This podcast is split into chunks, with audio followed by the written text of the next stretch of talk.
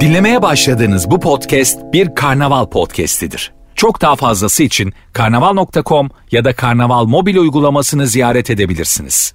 Cem Arslan'la gazoz ağacı başlıyor. Ee, daha daha nasılsınız? Ben geldim diye mi? Ben geldim diye mutlu olduğunuzu düşünmek istiyorum. Ben geldim diye huzurlu olduğunuzu düşünmek istiyorum. Türkiye'nin süperinde, süper FM'de süper program Gazoz Ağacı başladı. Saatler 20'yi gösterene kadar burada en güzel en iyi yapacağız şeklindeki klasik anonsumuz başlıyor. Programımızın bir başı bir de sonu zaten birebir aynı cümleyle e, sizlerin kulaklarına misafir oluyor. Onun arada ne olacak?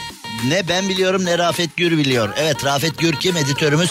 Editörümüz Rafet Gür'le beraber saatler 20'yi gösterene kadar kulaklarınıza misafir olacaksak o zaman hiç ama hiç hiç ama hiç Geri kalmadan devam edelim. İnebolu'ya, Kastamonu'ya ve Karadeniz bölgemizde zarar gören herkese geçmiş olsun dileklerimizi yollayalım. Oradaki dinleyicilerimize, oradaki insanlarımıza. Ama tabii e, şimdi afettir Allah'tandır. Afettir ne zaman ne olacağı belli olmaz. Eyvallah ona saygımız sonsuz, ona inancımız sonsuz ama tevekkül diye bir şey var. Deveni bağla öyle tevekkül et. Deveni bağla öyle tevekkül et. Yani dini açıdan baktığında kültürel açıdan baktığında, yönetimsel açıdan baktığında, insani açıdan baktığında, zeka, mantık çerçevesinde baktığında yani ne olursa olsun yaşım 52 bugüne kadar önlem alan insanların zarar ettiğini görmedim. Önlem, önlem, önlem. Çok güzel. Rahmetli Sakıp Sabancı derdi ya ağam çalışmak çalışmak çalışmak. Evet önlem önlem önlem önlem önlem önlem.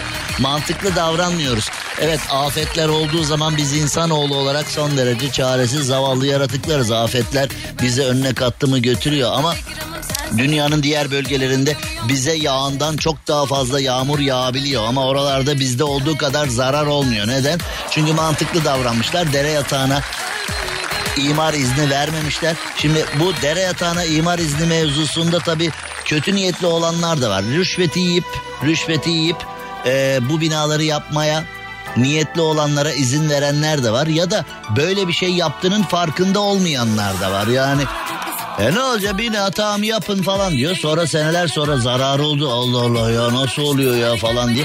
Ama işte bütün bunlar bilimden ilimden uzaklaştığımız zaman kutsal kitabımız oku diye başlıyor. İstiklal Marşımız korkma diye başlıyor. Ama bizde iş yok. Yani bize zaten bütün şifreler verilmiş. Bütün almamız gereken, almamız gereken ipuçları verilmiş. Ama bizde iş yok ki. Biz bir şey yaparken yalap şap. Oğlum buraya var ya ben ne bina yaparım ha. Altına dükkan yapar kiraya veririm. En üst katı dubleks yaparım. Büyük büyük teraslı yapalım. Çocuk çombalak mangal. Oh. Çay kahve. E, öyle olmuyor işte kardeşim. Bilimden ilimden uzaklaşmamak lazım. Bilimden ilimden uzaklaşmamak lazım. Mesela Venedik'te, Amsterdam'da, Miami'de, Bangkok'ta, dünyanın çeşitli yerlerinde binalar yapılıyor bataklığın üzerine, suyun üzerine ama bizdeki kadar zarar olmuyor. Neden? Çünkü hesabı kitabı ona göre yapılıyor. Bizde yalap şap yalap şap bütün işler bilimsel bağlantılara göre değil, siyasal bağlantılara göre yaptığın zaman işte böyle oluyor. Siyasal bağlantılar yerine bilimle, ilimle olan bağlantıları, zeka ile mantıkla olan bağlantıları kullansak zaten dinimiz de böyle emrediyor. Hayat şartları da böyle emrediyor ama biz o emirleri almak yerine e, siyasi bağlantılar, avantal avantalar öyle gidiyor. Evet Bartın'da, İnebolu'da ve e, Karadeniz bölgemizde çeşitli yerlerde ismini sayamadığım çeşitli yerlerde zarar görenlere geçmiş olsun diyoruz. Ve şunu da söyleyelim özellikle Karadeniz hangi firmadan olursa olsun hangi firmadan olursa olsun bunu yapan bin tane sigorta şirketi var ama lütfen sigortanızı yaptırın. Sigortanızı yaptırın. Bakın bir günde de değil birkaç saat içinde evimiz, iş yerimiz, sevdiklerimiz sular altında kalabiliyor. Onun için e, kimden yaptırırsanız yaptırın ama sigortanın ne kadar önemli bir şey olduğu bir kez daha ortaya çıkıyor. Yani insanlar ne sigortası ya kim verecek o parayı falan. Sigortaya verilen parayı sokağa atılan para gibi gören insanlar var. Ne vereceğim ya bir şey oldu ya habire prim veriyorsun haybire haybeye prime bak işte haybeye dediğin yani ödediğin primle aldığın zarar tazmini arasında karşılaştırma yaptığında çok daha kardasın. Bu arada sigorta da kar ettiren bir şey değildir. Yani bazıları da sigorta mesela 10 liralık mal kaybederim 100 lira alırım falan diye düşünüyor. Bu öyle bir şey değil. Sigorta, sigorta para kazandıran bir sektör değil. Sadece zararı tazmin eden bir sektör. Yani 10 liralık malın gittiyse sigortadan 10 lirayı alırsın. 10 liralık araban çalındıysa 10 liralık arabayı yerine al. 10 liralık arabam çalınsın yerine 100 liralık sıfır gıcırını alayım filan. Sigorta öyle bir şey değil. Seni para da kaybettirmez, seni para da kazandırmaz noktada tutuyor. Tapi tutuyor seni. Ama e, benden size tavsiye bir sürü firma var. Bir sürü firma var sigorta firmalarıyla gidin görüşün ya da müşteri temsilcilerini çağırın falan. Bugünlerde seller veyahut da çeşitli afetlerle çok karşılaşıyoruz. Ee, özellikle ev ve dükkan sigortaları son derece uygun rakamlara benden söylemesi. Şimdi günümüzde maalesef böyle sıkıntılar yaşandı. Altın fiyatları bayağı bir indi. Altından sağlam para bir ara 1038 liralara kadar çıktı bir 7-8 ay önce. Sonra ee, bayağı bir indi aşağıya. Yani bayağı bir indi. Neredeyse yüzde 50 indi aşağı. Şimdi yine böyle 1040'lara falan 1040'lara falan çıktı. Şimdi 1040'lara çıktıktan sonra 970'e e, gitti. Yani birileri sağlam para kazanıyor. Bu spekülasyonlardan, altın spekülasyonlarından birileri sağlam para kazanıyor. Ee, bizim Namık onlardan bir tanesi. Teknik müdürümüz Namık. Altın lafı geçince birdenbire gözler ne altın mı? Altın mı? Külçe külçe geliyor, külçe külçe geliyor. Altın dokuz yani bir ara programa başladığımızla programı bitirdiğimiz arasında 30-40 lira fark ediyordu altında. Çok ciddi yükselmeler oluyordu. Şimdi evet Namık parayı buldun. Vallahi bu. Evet gelelim Türkiye'de neler oldu dünyada neler oldu noktasına ee, geçmiş olsun diyelim. Sel afetiyle alakalı zarar gören insanlarımıza ee, lütfen bir de ormanlarımıza sahip çıkalım. Yaz boyunca bu anonsu sık sık yapacağım, devamlı yapacağım. Lütfen ormanlara sahip çıkalım. Orman etrafında şüpheli kişileri gördüğünüzde belki sizin gücünüz yetmez, yetmesin de zaten. Siz belki bir şey yapamazsınız ama hemen kolluk kuvvetlerine haber verin. Ormanların etrafında şüpheli kişileri görürseniz o kişileri hemen polise bildirin, zabıtaya bildirin, kolluk kuvvetlerine, jandarmaya bildirin. Onlar gerekeni yaparlar çünkü Vallahi görmüştüm onu ama ben aramadım polisi filan dediğinizde hektarlarca ormanı yani çoluğun çocuğun geleceğini kaybederiz. Aslında yani şüpheli birini görüp yakalatırsanız orman anlamında aslında kendi geleceğinize kendi çocuğunuza sahip çıkmış oluyorsunuz bunu da unutmayın ve tabi yaz geldi yani Zeytinburnu sahil, Anadolu yakasında Maltepe sahil, tavuk kanadı kokusundan oralara gidilmiyor biliyorsunuz. Yani orada böyle bir e, Zeytinburnu'ndan filan geçerken hatta yoğun siste gidiyor. Uludağ'da araba kullanıyormuşsun gibi tavuk kanadı dumadından önünü göremiyorsun filan. Yani şimdi tamam insanlar e, bizim bir kanat müptelası durumumuz var. Yani Eskiden benim çocukluğumda mesela kanatlar atılırdı ciğerci falan çöpe atılırdı ya da kedi köpeğe falan verilirdi kanatlar. Sonra birisi sanıyorum Haydar Bey ee, o kanat işini ya bir dakika bu atılacak bir şey değil bu soslandığında falan. Sonra bütün ülke kanatçı oldu arkadaş neredeyse kanadı alıp tavuğu atacağız yani oralara geldik yani eskiden tavuğu alıp kanatları atıyorduk. Şimdi de bize kanadı lazım kanadı. Kanatları ver tavuğu ne yapıyorsan yap filana geldi iş. Gerçek tavuk göğsünden tavuk göğsü tatlısı yedin mi hiç? Ben de Yani günümüzde bunların sayısı hızla azalıyor da yani. Çünkü çoğu aa, onun adı tavuk göğsü zannediyordum ben. Onun için de hakikaten tavuk göğsü var ya falan diye buna şaşıran var yani de onun için e, söyledim. Tavuk göğsü adlı tatlıda gerçekten tavuk göğsü var yani. Daha doğrusu Hani tozu var onun. Hani toza göre yapılıyorsa o ayrı tabii de yani. O başka bir şey tabii de yani. Tavuk göğsü tozu var hani suya muya karıştırıp yapıyorsun filan ya da süte suya bir şeylere onlara bir şey diyemeyeceğim ama filan falan. Şimdi ee, Antalya'ya doğru gidiyoruz. Antalya'da ev hanımı olan bir site yöneticisi kasadaki paraları lüks yaşantıda harcayarak komşularını yaklaşık 1 milyon lira dolandırdı. Yo bu nasıl ev hanımıdır ya? Zannedildiği kadar da ev hanımı değilmiş demek ki yani. Şimdi 1 milyon lirayı alemde yediyse Şimdi tabii insanın aklına şu da geliyor. Ben de tabii 52 yaşında e, feleğin çemberinden geçmiş bir erkek olarak. Şimdi hani mesela bir erkek piyasayı dolandırdı, parayı alemde yedi. Parayı kızlarla yedi, lüks yaşamla yedi. İşte kumarhanede yedi, kulüplerde yedi. Eyvallah da bu ev hanımı nerede? Hani şimdi hani mesela Orası da bir garip. Yani böyle şimdi gözü kapatıyorum. Gözümün önüne böyle bir ev hanımı geliyor. Cebinde bir milyon lira. Ne bileyim bir pavyona gitmiş, bir bara gitmiş, hani bir yere gitmiş. Ne ne hani o bir milyon lirayı ev hanımı nerede yedi acaba? Şey temizlik malzemesi aldım ben de diye. Hani ne bileyim böyle hani bir ara bir yufkacı Muammer hikayesi vardı ya. Hani orada da yani ona benzer bir şey olduysa o yufkacı Muammer hikayesinde bir para da yok. Yani sadece bir e, yoğun duygular var diyelim. Derin duygular besliyorum sana karşı içimdeki sevgi değil yufkacının alası di- neyse yani e, 350 dairelik bir sitede 350 dairelik bir sitede de ne ayda toplanıyordur ha. Yani ev hanımı kendi halinde bir kadın diye onu seçmişler. Yani bundan bize bir zarar gelmez diye. İşte hayatta hiçbir şey göründüğü gibi değildir. Ve hayatta her şeyin bir bedeli vardır. Bak 52 yaşına geldim bu iki hayat öğretisini çok severim. Hayatta hiçbir şey göründüğü gibi değildir. Gördüklerinin yarısına inan duyduklarının hiçbirine inanma derler ya eskiler. Eh yani şimdi diyorlar ki ev hanımı kendi halinde bir kadın yani. Vakur bir kadın ne yapacak ki yani bu Ahmet Bey'i seçersek o parayı yer. Alemlerde yer bizim aidat parasını diye.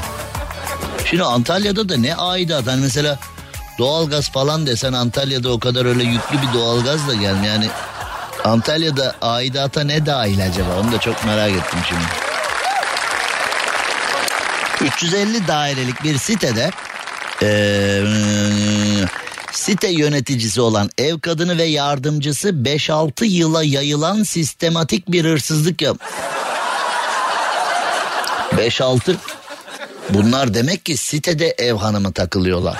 Demek öyle hani e biz bir pazara gideceğiz domates düşmüş de falan diye hani öyle kendini acındırıp hani pazara gidiyoruz semt semt market market geziyoruz en ucuzu neyse onu alıyoruz falan imajı vermişler. Artık herhalde böyle bir anlaşmalı tekneler falan da var herhalde. Parayı götürüp götürüp kaptan biz geldik falan diye. Hani böyle şey gibi oluyor demek ki. Bazı böyle e, hani enteresan böyle kapalı devre muhafazakar ülkenin e, vatandaşları olur ya onlar Avrupa'ya Amerika'ya giderken ya da Türkiye'ye gelirken uçakta böyle birdenbire hani uçağa böyle daha sakin binerler. Uçaktan inerken kıyafet makyaj enerji aura değişe uçaktan inerken böyle bir enerji patlaması. Demek ki bunlar da siteden böyle kendi halinde ev kadınları olarak ayrılıp tekne partileri falan yani. Dört denetçi kayyum yönetiminin içinde bulunduğu 10 kişi şikayetçi olmuş. Kasadaki 117 bin lira ortada yokmuş ama e, vurgunun toplamı milyon TL'yi bulmuş. 5-6 sene kimse denetlememiş demek ki. Para böyle bir şey yani.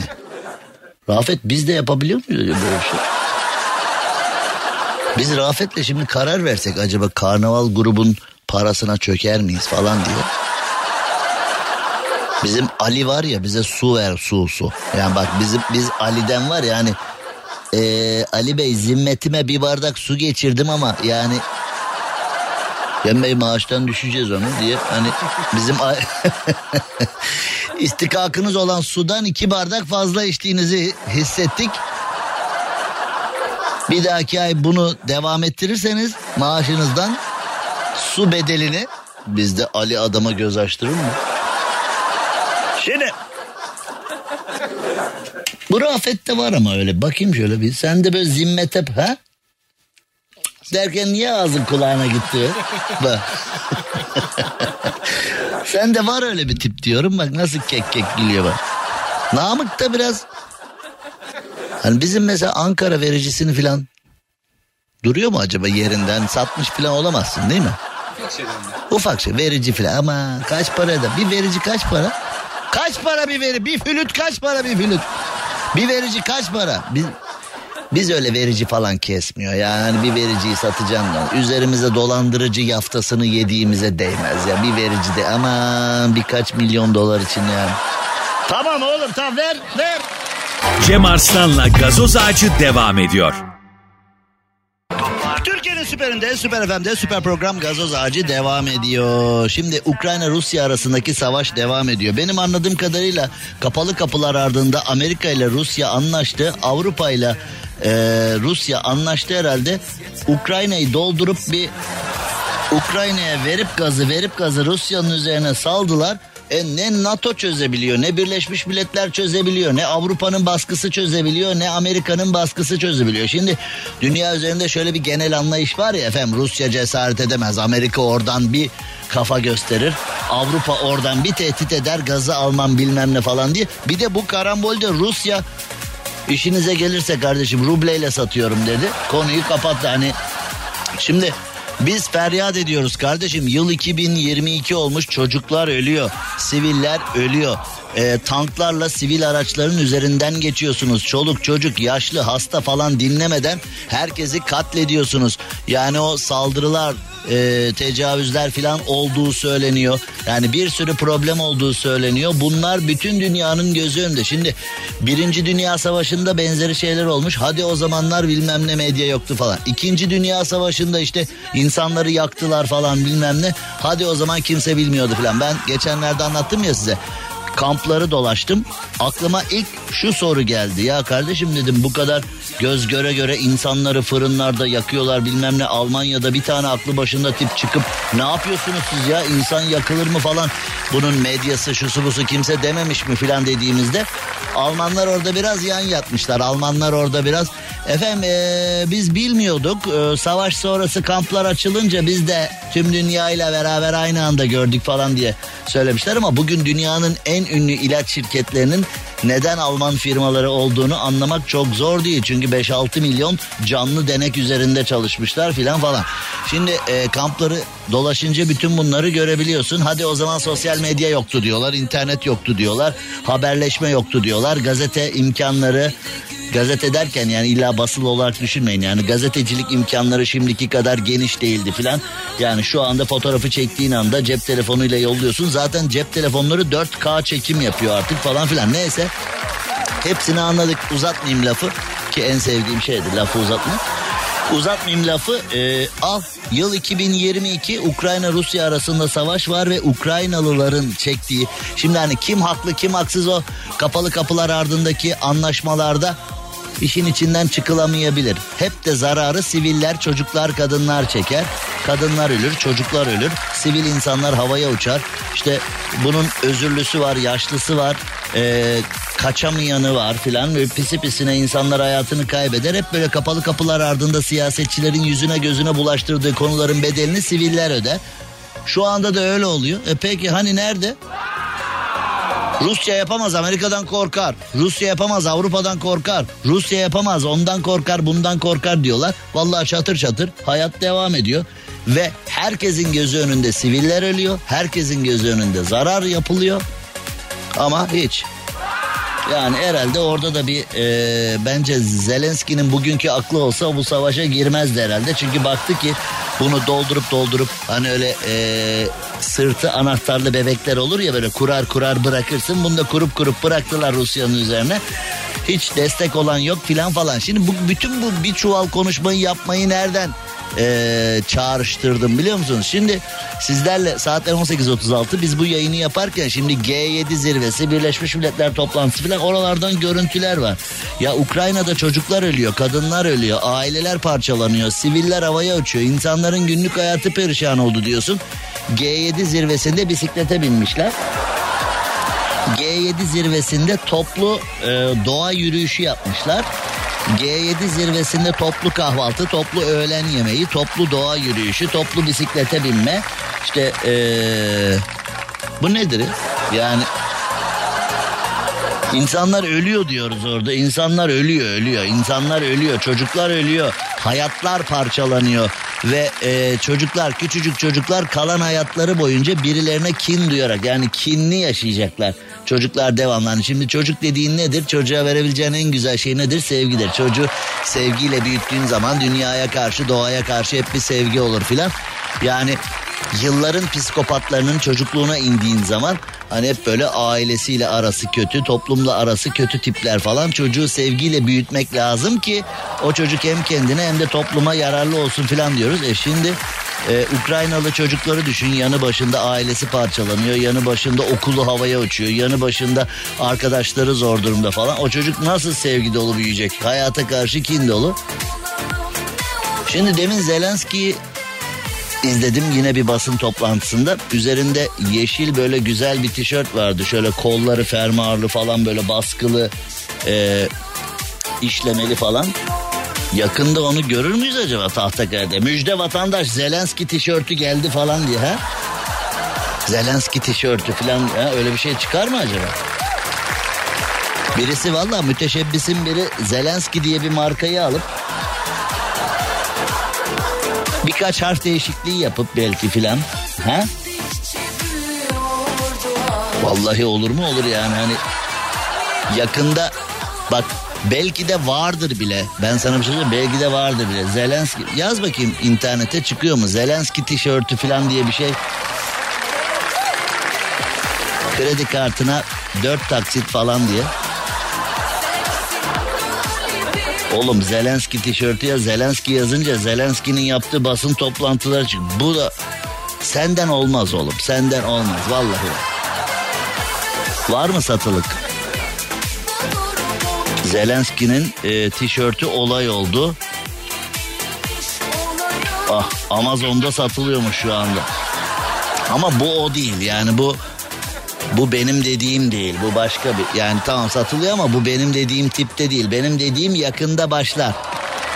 Yakında ee, kaç paraymış? Parası yok. Yani öyle hani satılıyor ama belirli bir para karşılığı değil herhalde. Ee, 16 dolar, 19 dolar, 20 dolar, 14 dolar çeşitli şekillerde baskıya göre bu baskıya göre değişiyor derken Zelenski'nin gördüğü baskıya göre nasıl oluyor bu? Ben Zelenski tişörtü ciddi söylüyorum yakında bir yerlerde göreceğiz herhalde. Şimdi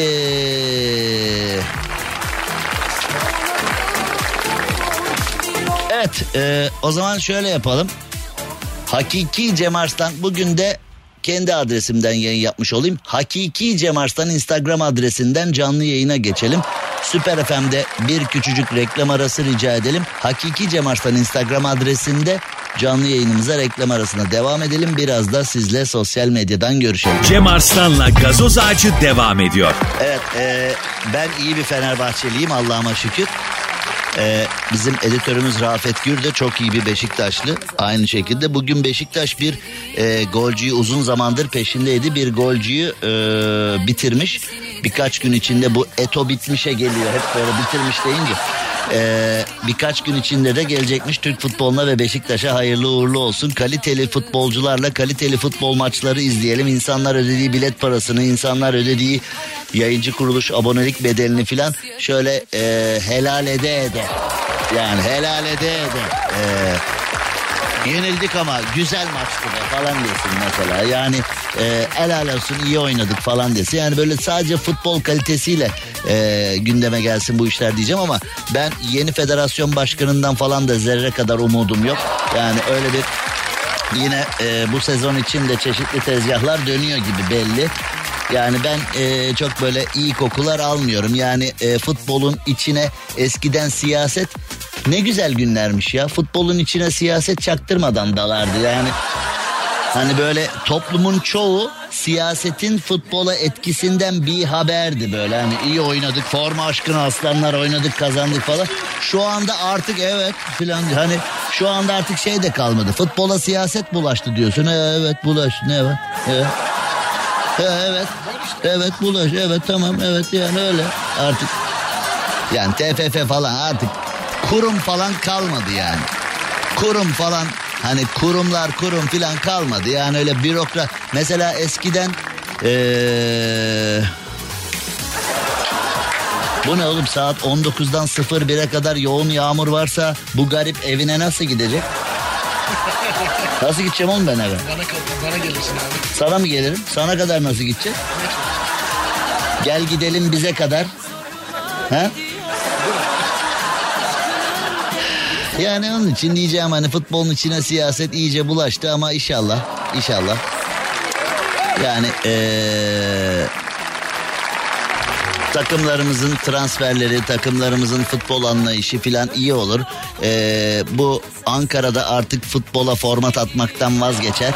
Yani böyle işte e, bürokratlar kendi takımlarına el atmaktan vazgeçer filan. Sadece oynayanın kazandığı, oynamayanın küme düştüğü bir lig olur diyeceğim ama ben ee, yani bunun temenni anlamında evet ama gerçekleşmeyeceğine eminim yani. Sadece öyle yine kendimiz çalıp kendimiz söylüyoruz yani bunun olmayacağı ortada çünkü geçtiğimiz sene de gördük işte hiç yani bakıyorsun bir maça yani hakemin gözü önünde bir sürü şey oluyor veriyor vermiyor oluyor olmuyor itirazlar kabul ediliyor edilmiyor filan hani neye göre ne oluyor filan kimsenin haberi yok. Ve benim profesyonel işlerimden bir tanesi futbol yorumculuğu. Şimdi bana da diyorlar ki bu maçı yorumla. Yani şimdi... Ya neyini yorumlayacaksın? Yani Türkiye'de futbol maçı yorumlayabilmek için siyasal bilgiler fakültesini bitirmiş olmak lazım. Ben öyle ah yorumum bu işte. Buradan ne anladıysan o işte. Siyasal bilgiler fakültesini bitirirsen Türkiye'de futbol yorumcusu olabilirsin. Futbolla ilgili yorumum bu. Artık Twitter'a mı yazarsın, sosyal medyana mı yazarsın?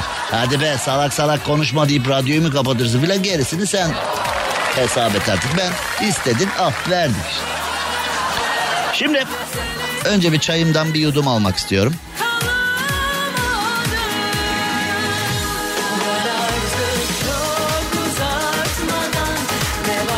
Allah'ıma şükürler olsun şu çay da nasıl bir şey arkadaşlar. Ha? Yani resmen böyle bir, bir yudum alıyorsun insanı kendine getiriyor be. Vallahi maşallah. Ee, şimdi ee, hani hep söylüyorum ya hep böyle ara ara yazılıyorum. Bizim şu Ahmet Hakan var ya gazeteci.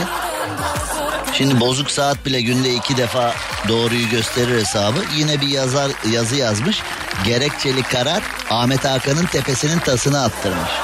Öyle Ahmet Hakan zaten hani Ahmet Hakan'ın tepesi atmadıkça bir şey olmuyor yani Ahmet Hakan canı istediği zaman tüm skandallara bir kulp bulabilecek nitelikte bir gazeteci. Yani canı ne isterse dünyanın en berbat konusunu senin benim sevebileceğim hale getirebiliyor. Yani gerçek bir bilim insanı aslında. Gerçek bir medya insanı A maddesiyle B maddesini karıştırıyor. Yeni bir C maddesi yapıyor. Sen artık o A maddesi ve B maddesine gıcık olurken C maddesini çok sevmeye başlıyorsun bile. Gerçek bir medya kimyageri yani bu Ahmet Hakan. Valla bak ciddi söylüyorum yani ben hiç karşılaşmadım. Allah da karşılaştırmasın inşallah. Hiç tanışmadım. Hiç de tanışmaya yani hayatımdaki ilk bir milyon kişi içinde olmayan bir tip. Neyse yani ama yiğidi öldür hakkını yeme. Gerçek bir medya kimyageri. Yani nasıl yapıyor nasıl ediyor? En tehlikeli maddeleri hani böyle boyacılar falan eskiden bezir yağı falan vardı. Böyle koyu boyaları falan böyle bezir yağıyla açardın ya da tinerle inceltirdin falan. Boyaları böyle tinerle ince. Eskiden tiner öyle koklanan bir şey değildi. Eskiden tiner hakikaten boya sektöründe falan kullanılan bir şeydi. Şimdi temizlikte kullanılıyor falan. Hani böyle ya da ne bileyim işte e, narkotik maddeler arasına geçti falan inceltirdin böyle bezir yağıyla, finerle. O da öyle yapıyor. Koyu konuları öyle bir inceltiyor ki birden be o kadar da kötü bir şey değilmiş aslında ya filan demeye başlıyorsun böyle okuduğun zaman. Şimdi ama hakikaten şimdi bu e, Pınar Gültekin davasında verilen gerekçeli kararda bir yazı yazmış. Yani aslında hepimizin ortak e, duygularını yazmış. Şimdi arkadaş devletin savcısı hakimi nasıl böyle olabiliyor ya? Yani Pınar Gültekin'i öldürmüşler sonra yakmışlar. Gerekçeli kararda diyor ki tamam yakmış ama Tamam yakmış ama diyor e, o canavarca bir hisle yakmamış. E, delili ortadan kaldır. Ya arkadaş devletin savcısı, hakimi neden acaba bu katili ne yapsak da hafifletsek, ne yapsak da hani nasıl düşünsek de birazcık böyle ee, yani durumu idare etsek bu noktaya ne zaman gelmişler ya? Ya arkadaş yani şimdi hiç istemediğin halde mesela ben e, hapishanelerde 8-10 tane panel verdim. Oradaki insanlarla oturdum konuştum özellikle böyle cinayet koğuşunda falan mesela ya baba nasıl yaptın bu işi nasıl oldu falan diye oturup kankaca konuştuğumuz zaman Vallahi Cem abi işte bir anlık sinir, bir anlık parlama oldu ya da bazıları böyle itiş kakış yapmış. İşte bazılarının kafası güzel, sarhoşken e, kendini yönetememiş bilmem ne falan. Yani şimdi gerçekten cinayet suçunu işlemiş insanlarla da oturduk konuştuk. Yani bu konuda yani birini öldürmüş, kesmiş, yakmış, üstüne beton dökmüş. Diyor ki bunları canavarca hisle yapmamış olabilir diyor. Yani canavarca his diye bir şey varsa dünya üzerinde. Hani dünya üzerinde canavarca hisle adam öldürme diye bir suç maddesi veya bir suç tarifi varsa ne olması gerekiyor? Yani daha yani ne olunca Aa evet bak bu var ya. Evet bu gerçekten canavarca hisle yapmış bunu falan diye ne olunca söyleniyor artık. Yani ben e, gerçekten e, anlamadım. Sanığın maktule yönelik yakma fiilini gerçekleştirmekteki amacının eziyet çektirmeye yönelik olmayıp maktulü cesedini yok ederek yakalanmaktan kurtulma ve suç delillerini yok etmeye yönelik olduğu gözetildiğinde Bak bu resmi evraktan bir paragraf okudum size. Yani cesedi yakmış. Diyor ki onu eziyet etmek için değil diyor. Cesedi yok etmek için yapmış diyor filan. Ya arkadaş yani e, böyle bir davada her yer her yerde memlekette adalet adına her yer her yerde biz bu davanın bu derece inceliğine mi gittik? Peki e, Hadi o zaman Pınar Gültekin gelsin kendini savunsun bakalım şimdi. Nasıl kızcağız anlatacak? Hayır o canavarca hisle yaptı falan diye. Yani ee...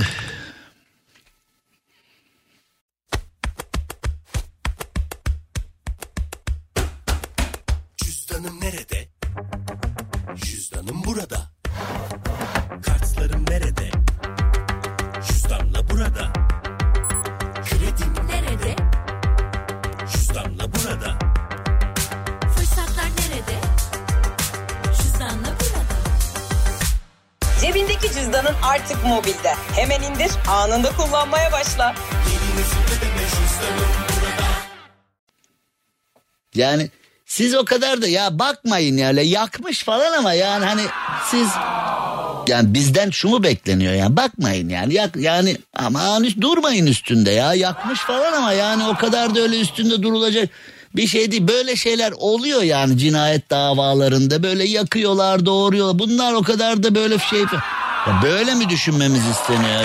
Yani. Gerçekten eee Gerçekten ne diyeceğimizi bilemiyoruz. Yani Adalet ve Kalkınma Partisi her zaman söylüyorum. Cumhurbaşkanı Erdoğan'a buradan açık çağrı olsun.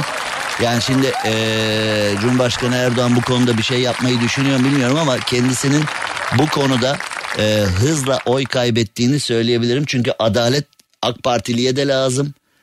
CHP'liye de lazım, MHP'liye de lazım. Siyasetle ilgilenmiyorum diyene de lazım. Muhafazakara da lazım, ateiste de lazım, kadına da lazım, erkeğe de lazım. Fenerliye de lazım, Galatasaraylıya da lazım. Sana da lazım, bana da lazım, çocuğa da lazım. Kuşa, böceğe, kediye, köpeğe de lazım. Yani adalet ve kalkınma, adı adalet ve kalkınma olan bir parti nasıl bu kadar da adaletten e, uzak kalabiliyor? İnanılır gibi değil ya. İnanılır gibi değil. İnanılır gibi değil. Cem Arslan'la gazoz ağacı devam ediyor. Türkiye'nin süperinde, Süper FM'de süper program gazoz ağacında devam edelim. Şimdi bazı insanlar var toplum içinde rastlıyoruz. Bunlar bazen en yakınımız olabiliyor. Bazen medyada eee, takip ettiğimiz kişiler, televizyonda rastladığımız kişiler de olabiliyor. Olabiliyor oğlu olabiliyor. Kim onlar? Mesela eee, çok çocukları var. 5, 6, 7, 8 çocukları var. Ya nasıl oluyor filan diyorsun. Onlar e ne yapalım oldu işte filan diyorlar. Hani böyle konuyu biraz gargaraya getiriyorlar. Yani ya 8 tane çocuğu yaptınız da bunların 8'ine birden işte eğitim, gıda, yaşam koşulları anlamında hani güzel bir zemin sunabilir. Valla oldu işte ya ne yapalım valla filan deyip hani böyle bir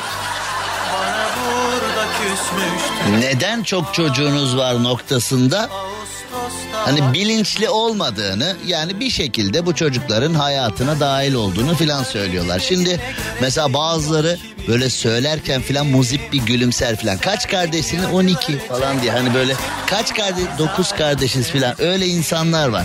12 kardeş, 9 kardeş filan falan. Neyse uzatmayalım. Şimdi Uganda'ya doğru gidiyoruz. Uganda'da Mariam Nabatanzi 40 yaşında bir kadın. 40 yaşında dikkat edin. 40 yaşında bir kadın tam 44 çocuğu var. Hani burada anneyi mi kutlayayım, babayı mı kutlayayım, her ikisini birlikte paket halinde mi kutlayalım filan. Hani hep böyle aynı şeyleri. Yolda çocuğu gördüğünüzde kendi çocuğunuz olup olmadığını tanıyabiliyor musunuz hikayesi var ya bazen. Şimdi e, Türkiye'de de bazı belgesellere konu olmuş abiler var. Öyle e, doğuda, güneydoğuda filan bu arkadaşları yıllarca TRT'de izledik. Mesela bir abi vardı unutmuyorum 54 çocuğu vardı. Ama birkaç hanımefendiden vardı. Şimdi bu kadın tek başına 40 yaşında bir kadın 44 çocuğu olmuş. Peki nasıl olmuş? Doğu Afrika'da, Uganda'da yaşayan kadın 4 takım ikiz. Bunu arkadaş sanayi işine çevirmişler ya hani takım çantası 4 takım ikiz 5 takım 300 5 takımda 400 doğurmuş.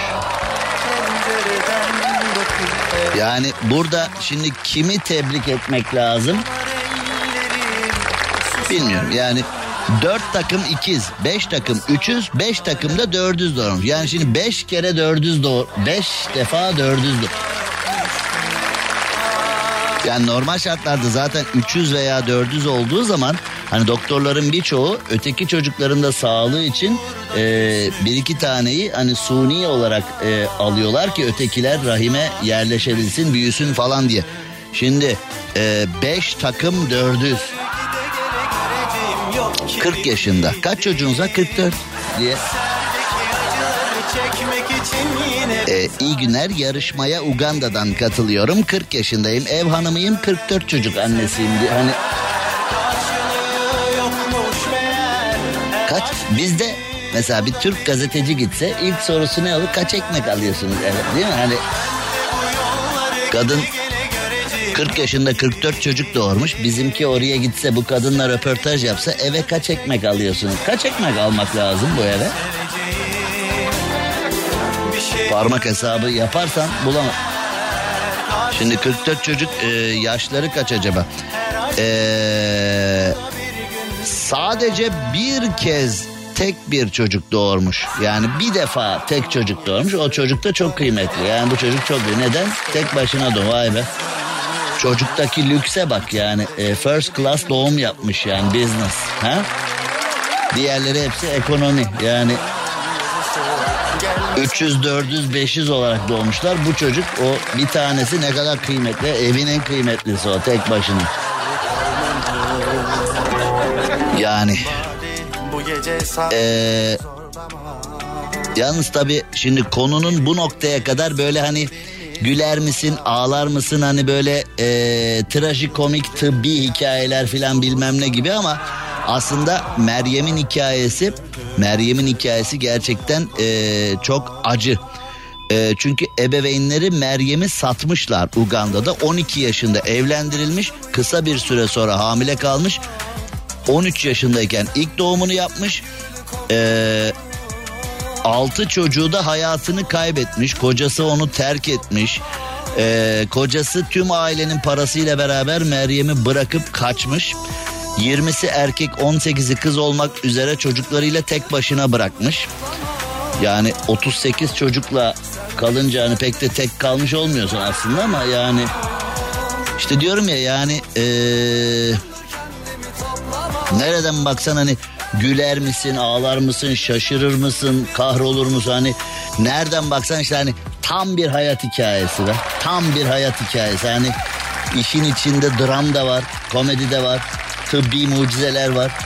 Tam filmi yapılacak kadın ee, şimdi dünya ortalaması olan 2.4 çocuğun iki katından fazlaymış ve e, ona Mama Uganda diyorlarmış. Yani Uganda'nın annesi diyorlar. Daha artık daha artık 44 tane çocuğu var. 40 yaşında 44 çocuk doğurmuş daha ona. Ha? Kadın tek başına anaokulu be. Ha?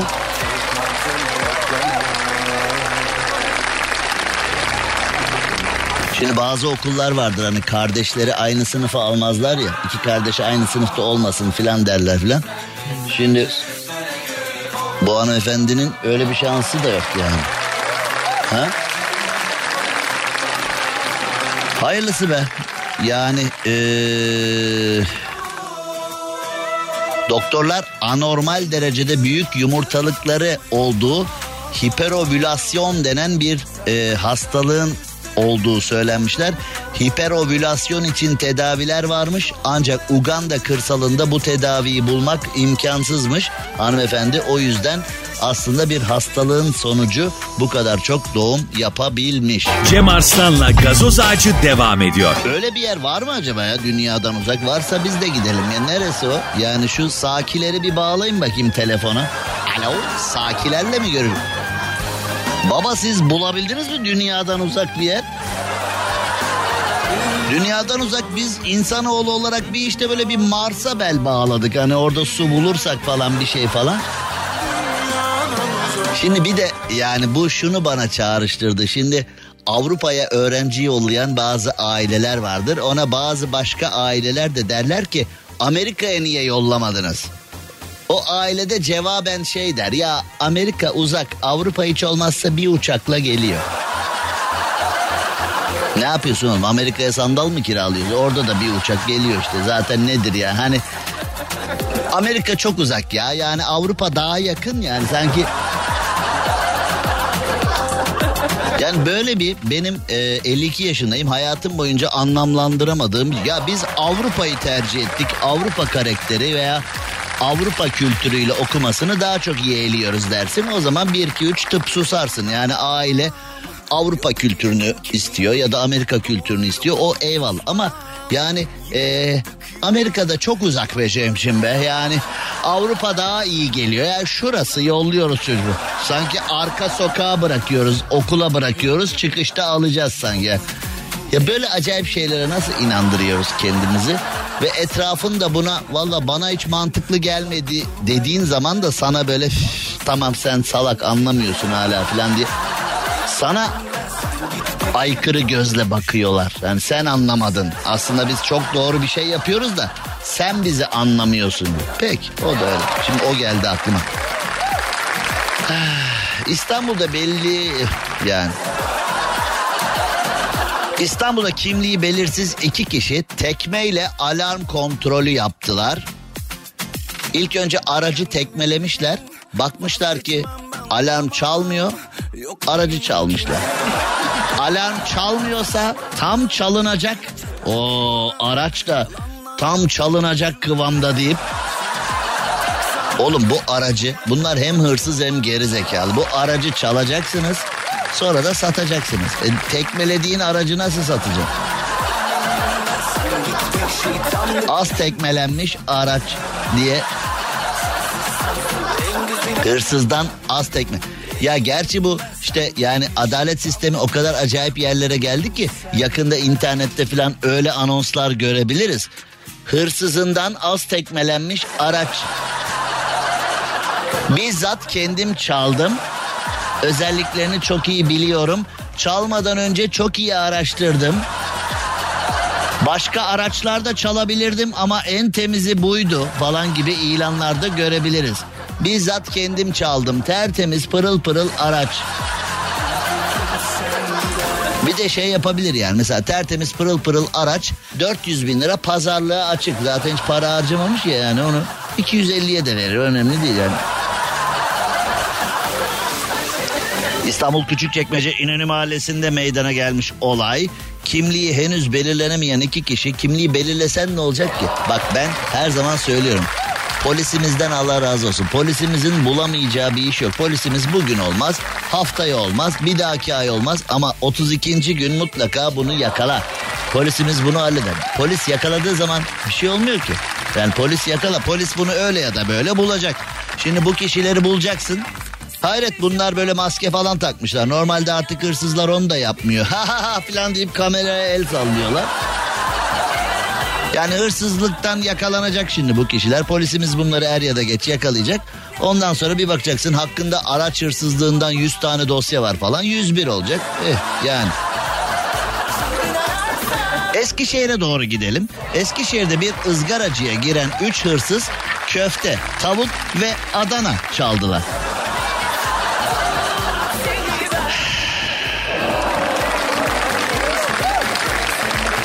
Yani çalmayı başaramadığımız bir şey yok. Yani 28 yıldır şu programda hani nelerin hırsızlık haberlerini yaptık. Nelerin ya bakır kablolardan, kapıdan, bacadan. Yani bu da enteresanmış. Üç hırsız köfte, tavuk, Adana çal. Demek ki üçü de ayrı zevkleri var. Bak üç, üç hırsızlar köfte, tavuk, Adana çal. Sen ne yersin? Köfte çal. Sen ne? Tavuk. Ben köfte şey. Canım tavuk. Sen tavuk çal. Baba ben de Adana'ya yükseldim be. Yani ben de onu... Güvenlik kamerasına yansıyan görüntülerde et dolaplarına yönelen hırsızların küvetleriyle beraber küvet dediği bu hani içinde yıkandığımız hikaye değil yani lokantacılık sektöründe e, böyle metal dikdörtgen gibi metal o e, leğenlere de küvet deniyor bilmeyen olabilir diye söyleyelim. Küvetleriyle beraber dolaptaki etler poşetlemişler. Hayret yani. Küvetleri çalmayalım ya ayıp olur deyip sadece etleri çalalım. Yazık esnafa yazık ya. Küvet de dünya para yani. Hayret normalde küvetiyle beraber çalması lazım. Hayır poşetlemişler gerçekten. Hırsız Allah ne verirse hayırlısını versin diyoruz ya tertipli hırsızlarmış yani. Bizzat çalarken dükkana zarar vermeden yani bulmak istediğin gibi bırak prensibinden yararlanarak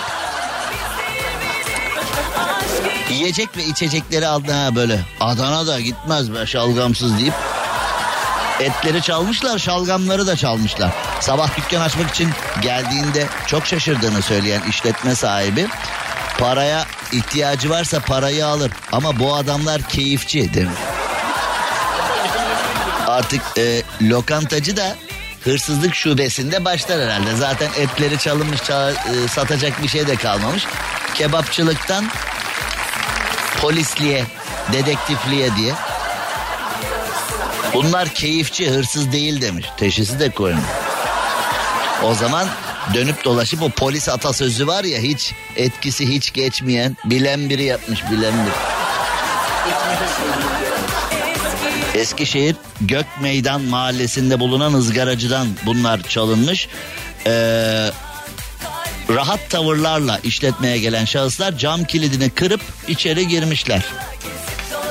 Yani tabii ki rahat yani o kaçan hırsız, maske takan hırsız, e, sırtında çuvalla dolaşan hırsız falan hani o eski e, hırsız karikatürleri vardır ya maskeli ve çuvallı falan. Onlar eskiden.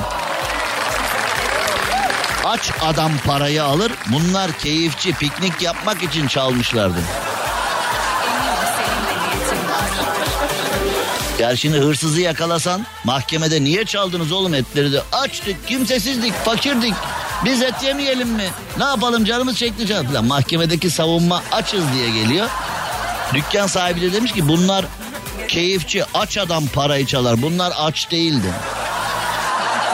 Oğlum et çalınmış dükkan sahibi diyor ki bunlar aç değil. Yani o zaman e, dükkana bir sticker yapıştıralım aç Hep öyle derler ya yani aç ya da tok olarak e, söylenir. Toku ağırlamak zordur diye. Adam da yaranamamış yani böyle bir şey olur mu? Hırsız et çalmış. Dükkan sahibi de diyor ki aç adam. Para çalar bunlar et çalmış keyifçi bunlar diyor. Ya buradan şunu mu anlayacağız? Dükkan sahibi şikayetçi olmamış. Keyifçi bunlar ya sevdim ben bunları yani keyifçi adamlar Se- sevilmeyecek gibi değil ya bunlar hırsız değil ya şikayetçi değilim memur bey diye hani ya arkadaş hırsızı başka bir kafa dükkan sahibi başka bir yani Derin su kuyusuna çıplak elle inip çıkan kadınlar Hindistan'da tartışma yarattı. Oğlum ne bu tartışmaya yer mi arıyorsunuz? Bu ne? Derin su kuyusuna çıplak elle inenle neyle ince? De, bir defa derin su kuyusuna niye iniyorsunuz? İniyorsanız çıplak elle niye iniyorsunuz? El niye çıplak? Orada hani bir eldiven falan mı lazım? Bu arada şu anda bir e, Cumhurbaşkanı Erdoğan'ın canlı basın toplantısı var. Asgari ücrete zam gelecek mi gelmeyecek mi bu konuşuluyor. Bence asgari ücrete zam gelip gelmemesinin artık herhangi bir önemi kalmadı. Çünkü paranın bir alım gücü kalmadı. Yani şu anda iki çocuklu bir aile için konuşuyorum. Yani hep istatistik hesaplar dört kişilik yapılıyor ya. Mesela Cumhurbaşkanı Erdoğan dese ki e, çünkü zam yaptığı zaman bizzat kendisi açıklıyor ya. Yani Cumhuriyet tarihinde ilk defa asgari ücrete yüzde elli zam geldiğini kendisi açıkladı ya ilk defa. Zaten artık bürokratlara, bakanlara falan bu ülkede ne gerek var ben onu hiç anlamış değilim yani. Bakanlar kabinesi falan hani kabine değişecek falan filan deniyor. Kabinenin değişmesinin ne anlamı var ki yani? Kabine değişmesi ya da bir bürokratın değişmesinin herhangi bir anlamı kalmadı ki Türkiye'de. Artık kurum falan kalmadı. Yani eee, bir kişinin isteği yerine geliyor. Yani e, eskiden devlet organlarıyla devletti. Yani Yargıtay, Danıştay, Sayıştay, işte bir sürü e, müfettişlik, şu bu bilmem ne falan bir sürü devletin bir sürü organı vardı. Şimdi yok artık yani öyle. Onun için hani asgari ücrete zam gelecek mi? Yani e, Cumhurbaşkanı Erdoğan derse ki gelecek gelir. Cumhurbaşkanı Erdoğan derse gelmeyecek gelmez. Yani hani bir salon dolusu bürokrat dinliyor şu anda. Yani bence bakanlar da Cumhurbaşkanı Erdoğan'dan öğrenecekler biraz sonra zam gelip gelmeyeceğini. Normalde bakan dediğimiz kişilerin hani hazırladığı rapor doğrultusunda efendim bu maaşlar yetmiyor insanlara, bu maaşlar yetmiyor memura, işçiye, emekliye, öğrenciye. Bizim bir çalışma yapmış olmamızdan yola çıkarak bunları halletmemiz gerekiyor der. Ee, yukarısı da raporu okur bakar evet haklısınız bunu değerlendirmemiz lazım der falan filan. Şimdi ben zam yaptım alın bunu uygulayına geldi iş. Biraz da böyle deneyelim. Belki mutluluğu böyle buluruz ülke. Yani yıllarca böyle hani alt kadro hazırladı, üst kadro okeyledi. Şimdi üst kadroyu alın yapın diyor. Belki de daha faydalı ha. Ben belki de olur mu olur ya ha olur. Şimdi derin su kuyusuna çıplak elle inip çıkan kadınlar Hindistan'da tartışma yaratmışlar. Ee, bu konu enteresan bir konu. Buna da bakacağız biraz sonra. Bunu da değerlendireceğiz. Cem Arslan'la gazoz ağacı devam ediyor. Türkiye'nin süperinde, Süper FM'de yayınımıza hemen devam edelim. Az önceki olayı bir tamamlayalım. Hindistan'ın Madhya Pradesh eyaletinde köylülerin suya ulaşabilmek için korunmasız biçimde kuyuya indiğini gösteren video sosyal medyada tartışma yarattı. Görüntüler eyaletin birçok bölgesinde yaşanan şiddetli su kıtlığına dikkat çekti.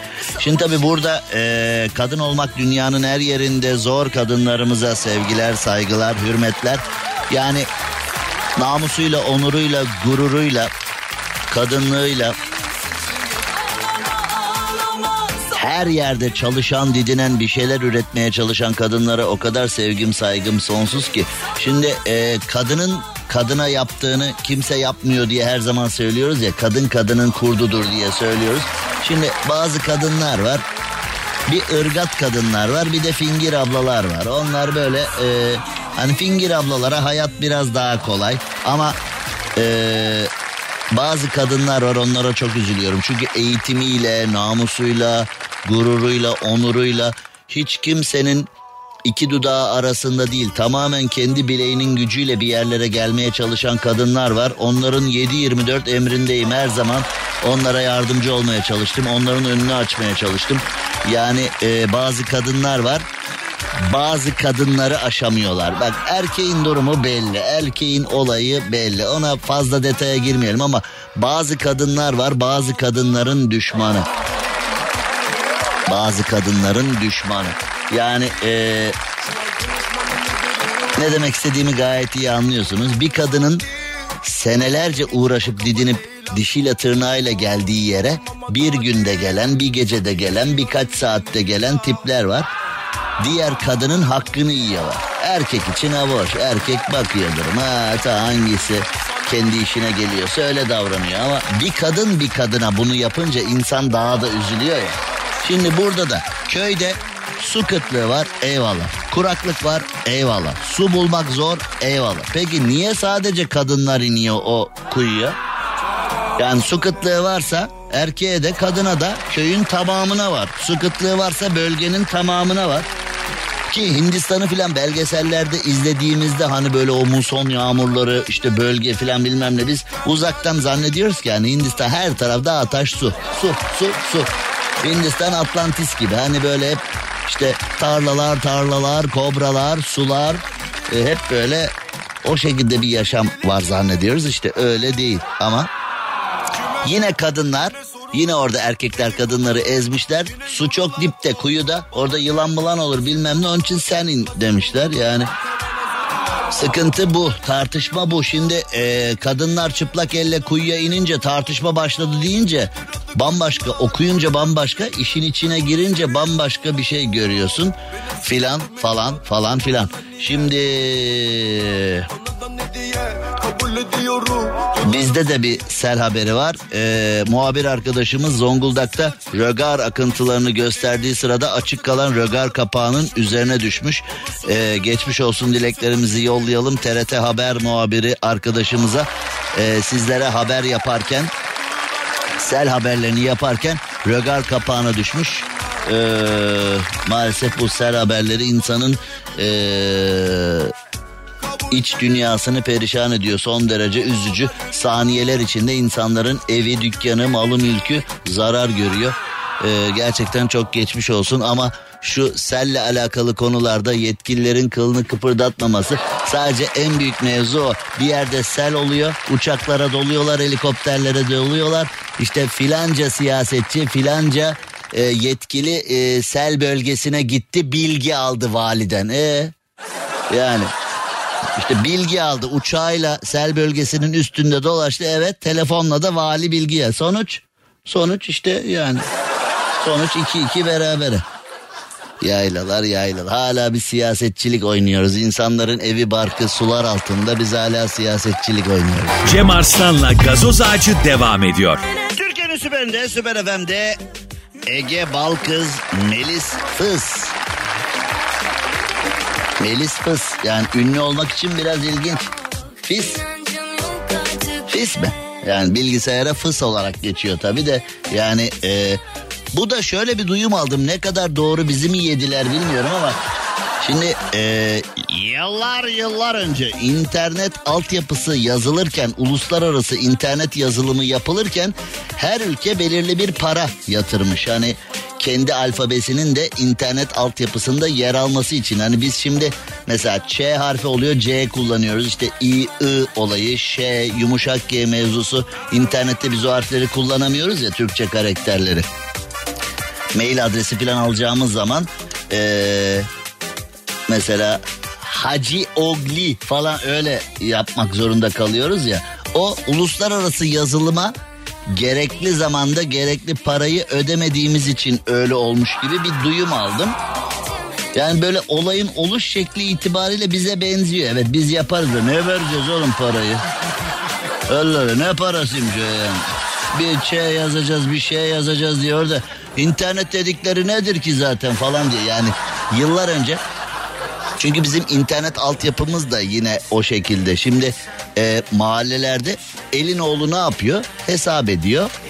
Mesela kanalizasyon, elektrik, su gibi konularda yatırımı bir defa yapıyor, tam yapıyor, bir daha el sürmüyor. Yani o işte o gelişmiş ülkelerin kanalizasyon yapısına falan bakıyoruz yani suçlular kaçıyor falan. Adam öyle bir kanalizasyon yapmış ki içinde homeless yaşıyor ya. Yani homeless'ların residence'ı kanalizasyon sistemi dediğim. Fareye de yeter, bana da yeter. Her şeye yeter yani homeless'lar orada yaşıyorlar yani filan. Biz habire her yeri kazıyoruz ya böyle bir.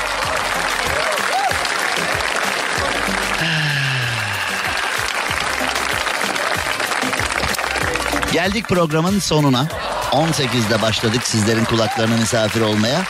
Bugün de çabucak geçti gitti zaman. Ölmez de sağ kalırsak yarın 18'de buluşmak üzere. Hoşçakalın. Cem Arslan'la gazoz ağacı sona erdi. Dinlemiş olduğunuz bu podcast bir karnaval podcastidir. Çok daha fazlası için karnaval.com ya da karnaval mobil uygulamasını ziyaret edebilirsiniz. Are you the parent of a college student who is trying to break the chain of failure? Has the disruption of the past 18 months caused your student to suffer learning loss? Landmark College is the college for students who learn differently. For college students who are struggling, a short term bridge experience can strengthen the academic and self advocacy skills needed to stay focused in college and beyond. Let Landmark College help your student discover their learning ability. Visit landmark.edu/slash bridge.